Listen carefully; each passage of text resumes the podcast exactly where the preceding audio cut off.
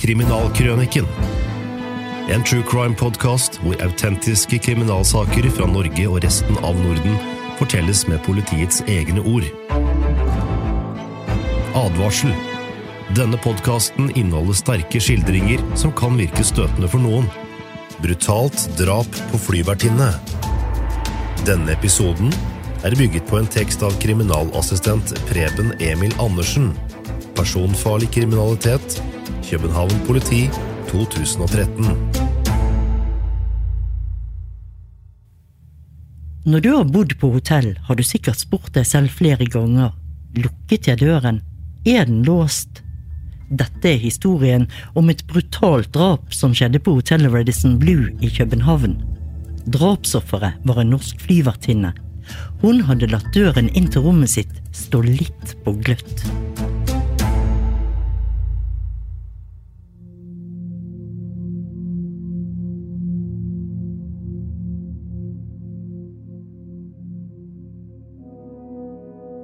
Tirsdag 2. mars 2010 klokken 11.11 kom det inn en melding til politistasjonen på Amager om at det var funnet en død kvinne på rom 2025 på hotellet Redison Blue. Sikkerhetssjefen på hotellet opplyste at det var rengjøringspersonellet som hadde funnet kvinnen. Mannen hadde låst seg inn på rommet ved hjelp av nøkkelkortet sitt, siden ingen åpnet da han banket på. Politiet rykket ut, og de ble møtt av ambulanselegen som opplyste at kvinnen var død og bar preg av å ha vært utsatt for vold. En 42 år gammel norsk flyvertinne ble i formiddag funnet død inne på dette Radisson SAS-hotellet på Amager i København. Kvinnen som skulle reise videre i dag, ble ifølge politiet funnet av en renholder like etter klokka 11. Politiet sier i kveld at de er sikre på at kvinnen er drept. Hun ble funnet av personale liggende på gulvet. Øh, vi har konstatert at hun er slået øh, voldsomt i hodet, og det er øh, dødsårsaken.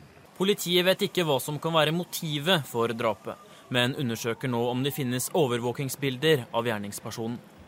Drapssjef ved København politi Ove Dahl ble intervjuet av reporter Runa Henriksen Jørstad på Dagsrevyen 2. mars 2010. Den drepte var den 42 år gamle norske flyvertinnen Vera. Politiet sperret av største del av etasjen der hun ble funnet død, og man sørget også for at ingen som bodde i samme etasje, fikk forlate rommene sine. Etterforskerne startet avhørene av hotellansatte og de som bodde på rommene i etasjen. Kriminalteknikere kom raskt i gang med sine undersøkelser av åstedet, som var et hotellrom beliggende i 20. etasje. Videoovervåkning fra kasinoet og heisene ble gjennomgått for å finne ut når den drepte kvinnen tok heisen. Samtidig kunne det være en sjanse for å se gjerningsmannen på videoen.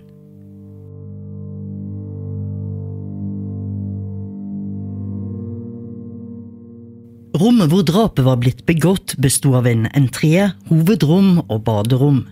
I hovedrommet var det et skrivebord med stol, minibar, TV, lamper, seng og et nattbord. Åstedsundersøkelsen viste at det ikke var brytespor på inngangsdøren.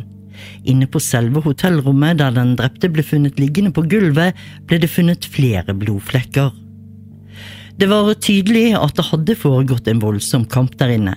Lamper var veltet, møbler var skubbet rundt, det var blodflekker på møbler, vegger, tak, gardiner og vinduer, men størst konsentrasjon var det i området rundt der den avdøde lå.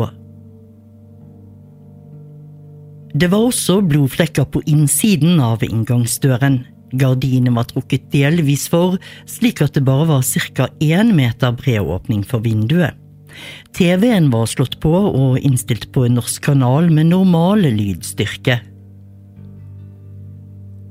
Like innenfor døren fra entreen sto det et lite bord som var tilsmusset av flere nesten runde blodstenk ved det ene hjørnet av bordplaten. I området ved skapet og minibaren var det blodflekker, og på gulvet ved minibaren sto fem sodaflasker med små bloddråper på korkene. På baderommet ble det funnet en blodig badematte og et håndkle. Den drepte bar preg av å ha vært utsatt for grove vold. Hun hadde kraftige skader i ansiktet. Hun lå på gulvet ved radiatoren under vinduet, iførte truse og bh og med et tøystykke rundt livet.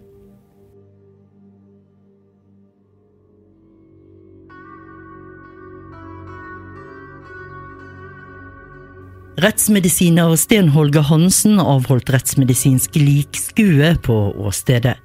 Han opplyste at den drepte var påført kuttskader på halsen, i ansiktet og på brystet. Hun hadde flere slagskader i ansiktet, hun hadde kraniebrudd, og flere tenner var slått ut. Det var kuttskader på armene hennes etter å ha forsøkt å verge seg mot knivstikkingen. Han konkluderte med at hun hadde vært død i mer enn tolv timer, og dødsårsaken ble antatt å være forblødning som følge av skadene. Etter likskuet ble offeret kjørt til Rettsmedisinsk institutt for å obduseres, noe som ville skje dagen etter. Hundeavdelingen søkte i området rundt hotellet etter eventuelle gjerningsvåpen, men noe slikt ble ikke funnet utenfor hotellet. Ut fra videoovervåkningen ble det konstatert at den drepte hadde ankommet hotellet 1. mars klokken 15.57 sammen med flere kolleger.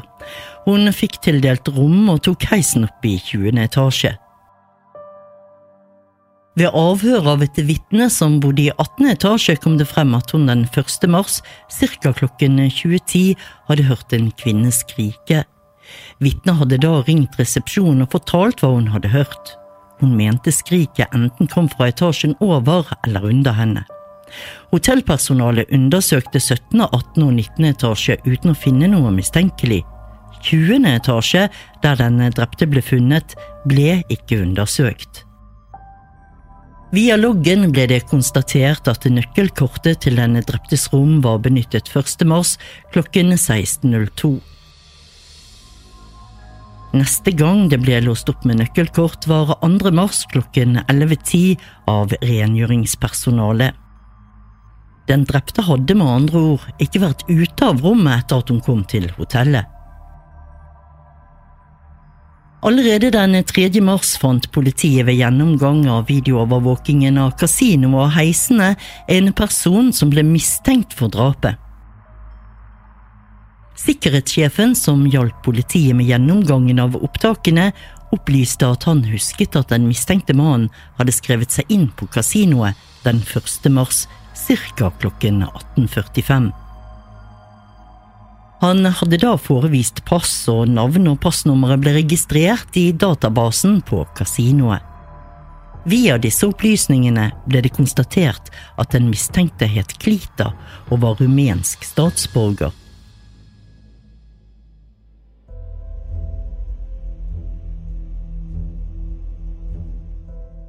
Videoovervåkingen i heisene viste at Klita tok heisen klokken 20 sammen med en kvinne som senere ble avhørt som vitne.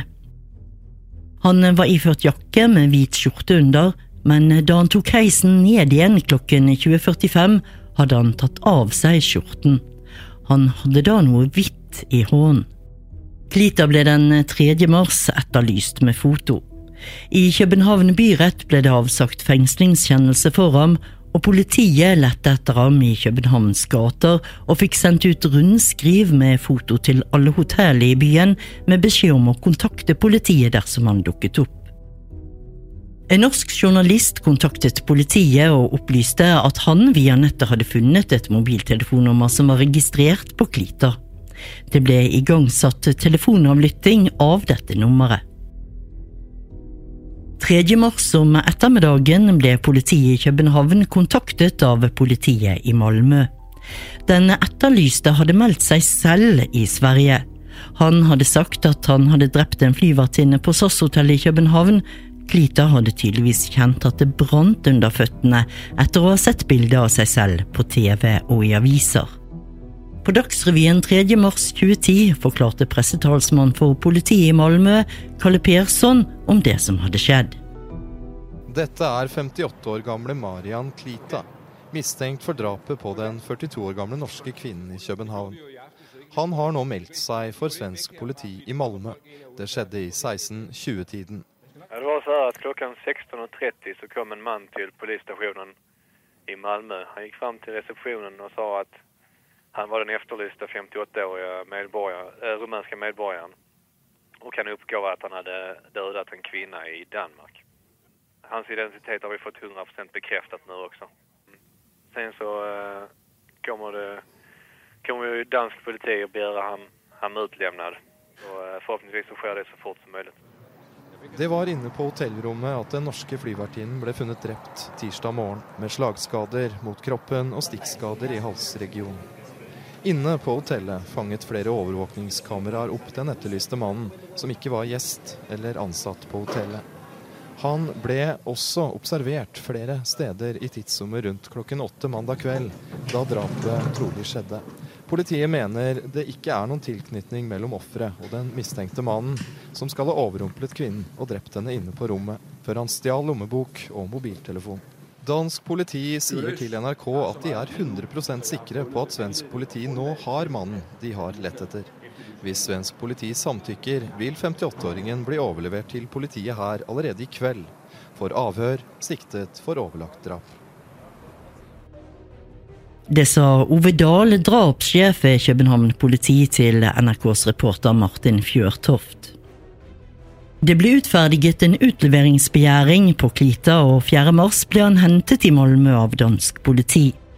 Allerede under kjøreturen fra Sverige til Danmark fortalte han uoppfordret til polititjenestemennene i bilen at han hadde drept en kvinne. I går meldte rumeneren seg for svensk politi i Malmö. Han innrømmet da å ha drept den norske flyvertinnen Vera Villmylden på dette SAS-hotellet i bydelen Amager sør i København.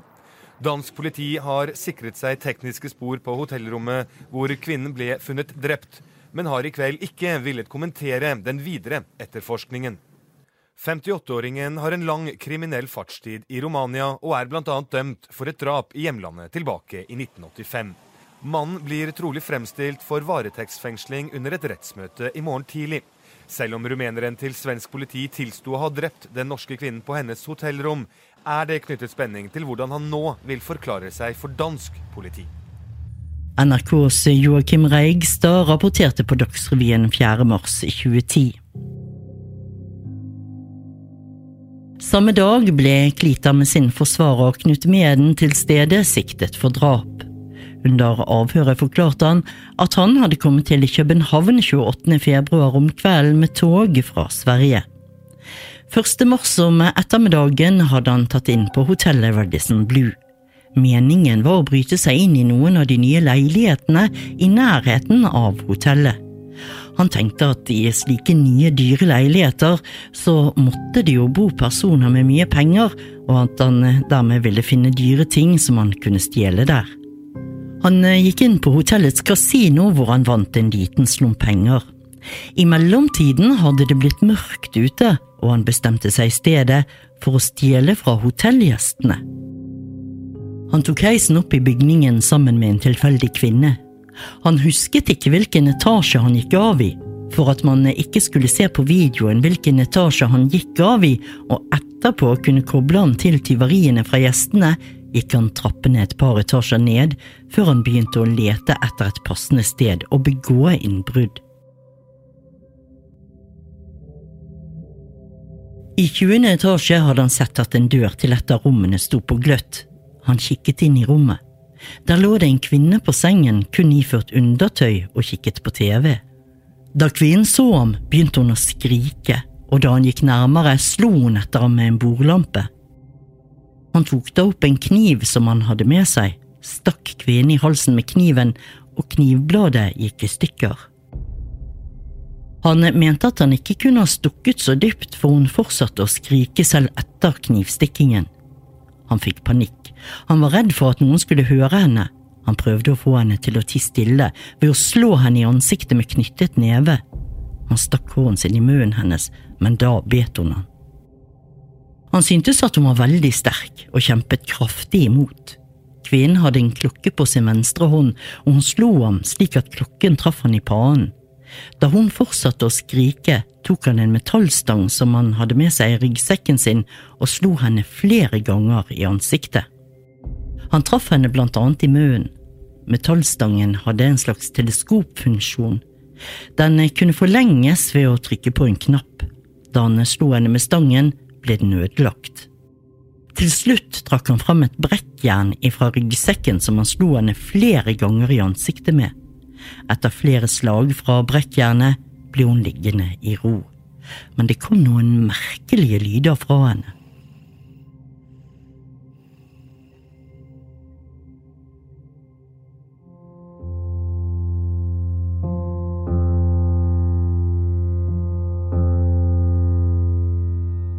Klita tok kvinnens klokke, mobiltelefon og to lommebøker.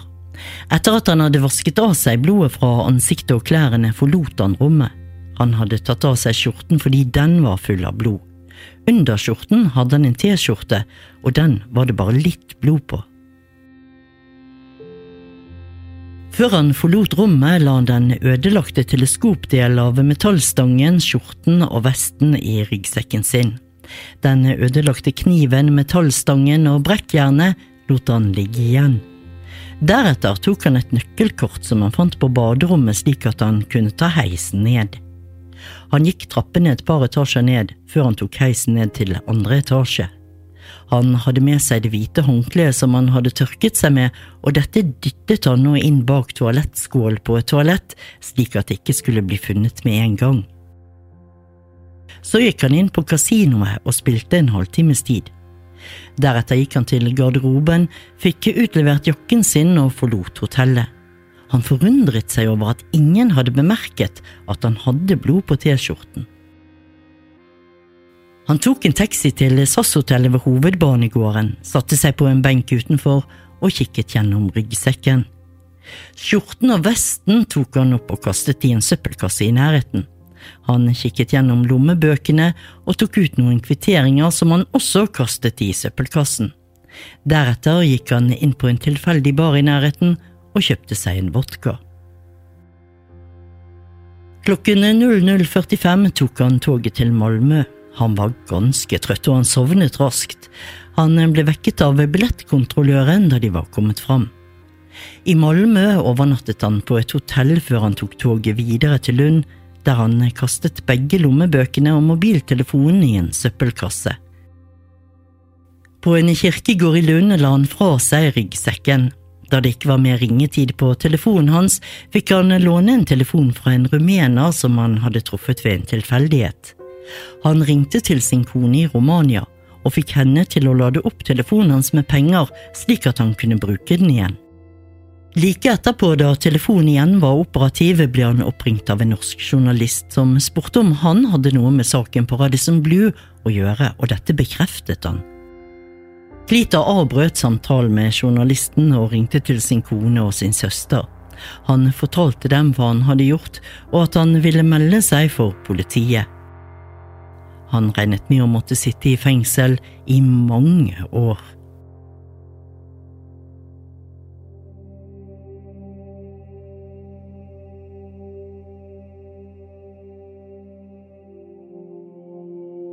Klita ble etter avhøret kjørt til Vestre fengsel og fremstilt for varetektsfengsling neste dag.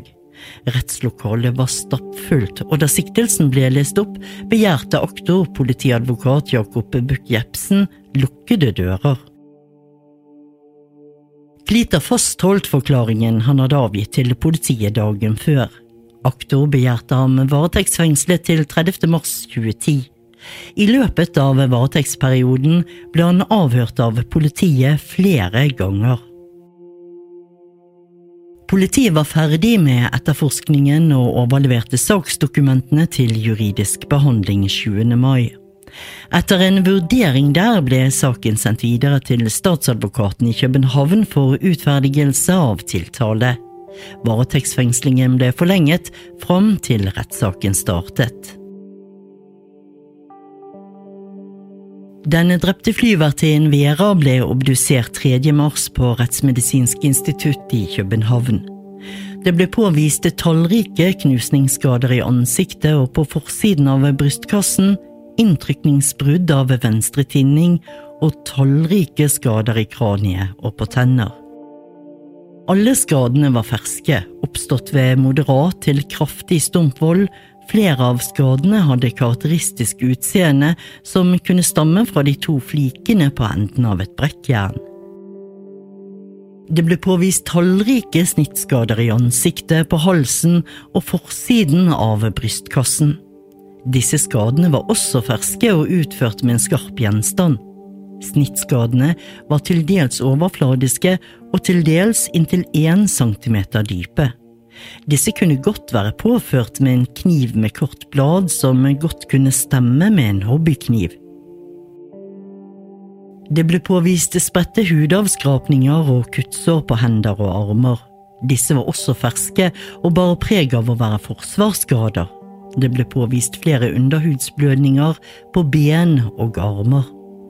Dødsårsaken må antas å være de påviste store kranie- og hjerneskadene i kombinasjon med ytre forblødning. Det ble i alt funnet 63 forskjellige skader på avdøde.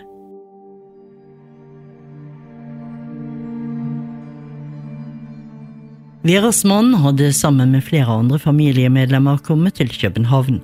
Han identifiserte den døde som sin kone Vera. Kriminalteknikerne fant mye blod på åstedet. Det var blodsøl på gulvet, vegger og tak, og på en stålampe ble det funnet fingeravtrykk som senere viste seg å stamme fra gjerningsmannen. På avsatsen mellom 21. og 22. etasje ble det funnet en liten, tom vodkaflaske, der det også ble funnet fingeravtrykk som viste seg å være identiske med Klitas. Han var dermed bundet både til åstedet og området omkring åstedet. På dyen der avdødes hode hadde ligget lå et ca. 25 cm langt blodig metallrør. På gulvet ved radiatoren lå en blodig hobbykniv med brukket blad. Det avbrekte bladet ble funnet under en koffert, og ved siden av kofferten lå et blodig brekkjern. På gulvet lå en veltet bordlampe med mange nesten runde bloddråper på oversiden av skjermen. På gulvet mellom skrivebordet og radiatoren lå en bordtelefon med blod på, og telefonkontakten sto ikke i veggen.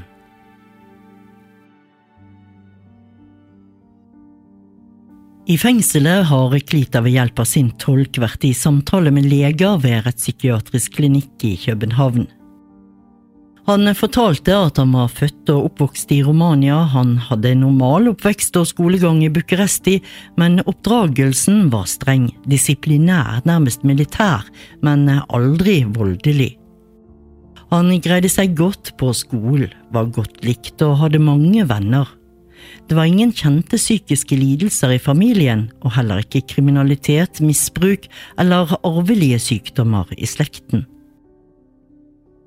I ungdomsårene begynte han å begå tyverier. Han fikk sin første fengselsdom som 19-åring. Til sammen har han sonet 21 år i rumenske fengsler for blant annet tyveri og drap. Han deserterte fra militæret og ble straffet med fire års fengsel for dette. Etter endt soning ble han fritatt for militærtjeneste på bakgrunn av en psykiatrisk rapport. Han har vært gift flere ganger, men har ingen barn. Han har levd en nomadetilværelse og reist rundt til hoteller i hele Europa på tyverireid og livnært seg av kriminalitet. Den rettspsykiatriske undersøkelsen konkluderte med at Klita var dominerende og emosjonelt upåvirket av den alvorlige situasjonen han var kommet opp i. Han ble underveis i undersøkelsen flere ganger bremset i sin meget selvhevdende oppførsel. Man oppfattet ham med narsissistiske trekk og enorm selvfølelse. Han virket påfallende uberørt av siktelsen for drap og hele sin livssituasjon.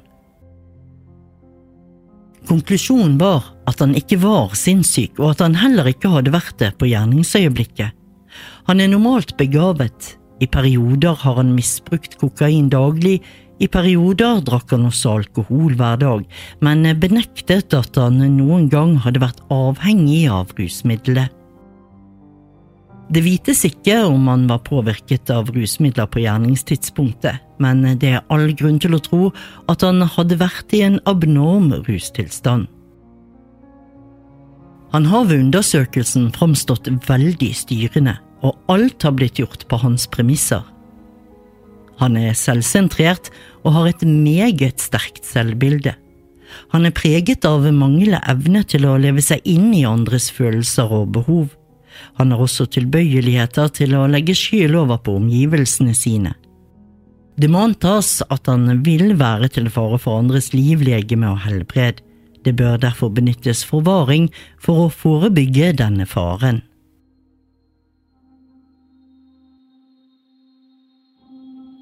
Saken startet 21. februar 2011 i Københavns byrett.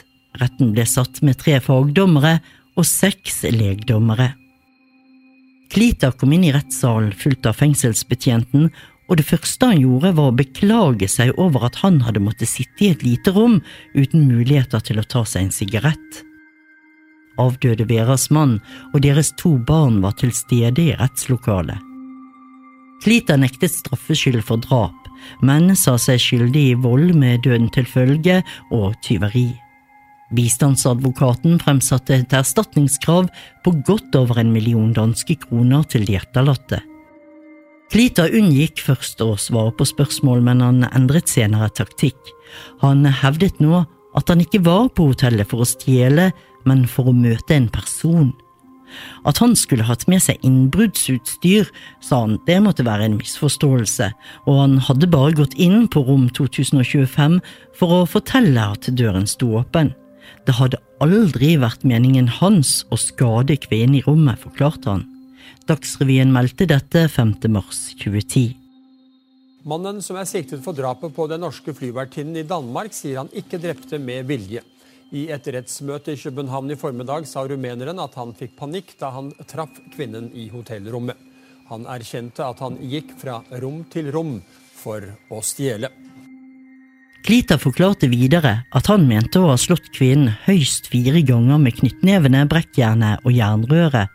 Han kunne ikke forklare hvor alle stikksårene og de øvrige skadene kom fra.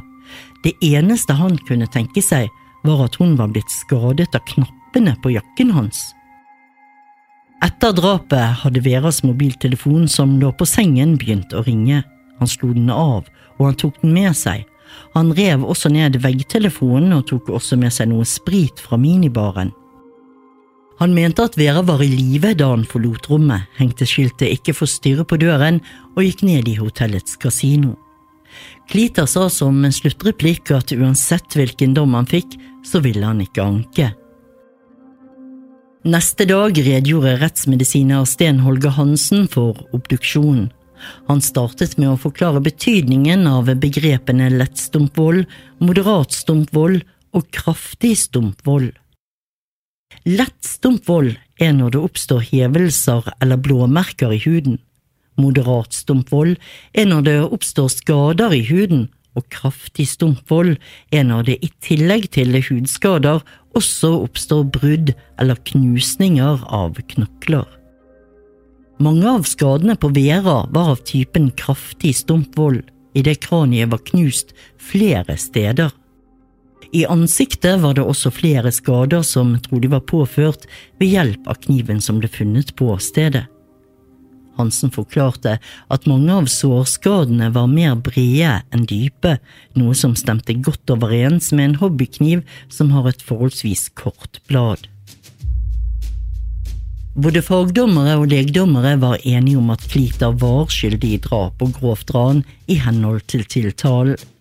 Hans forklaring om at han bare ville si fra om at døren sto åpen, ble satt til side som ikke troverdig.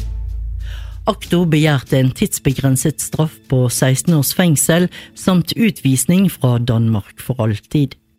Forsvareren prosederte på frifinnelse for drap og grovt ran. Han ba om at hans klient heller skulle dømmes for vold med døden til følge samt tyveri til tolv års fengsel. Klokken 15 ble dommen lest opp, og den lød på 14 års fengsel og utvisning fra Danmark for alltid. I tillegg ble Klita dømt til å betale en samlet erstatning på ca. 1,6 millioner til Veras etterlatte. Klita vedtok dommen og ønsket ingen anke. Dommen ble heller ikke anket fra påtalemyndighetenes side. Klita hadde alt sittet 21 år av sitt liv i fengsel. Etter å ha sonet denne siste dommen vil han være nesten 70 år når han blir løslatt. Du har hørt Brutalt drap på flyvertinne. Denne episoden er bygget på en tekst av kriminalassistent Preben Emil Andersen. Personfarlig kriminalitet. København politi 2013. Forteller var Marianne Moe. Produsenter var Troy Langås, Christian Gilsvik og Marianne Moe.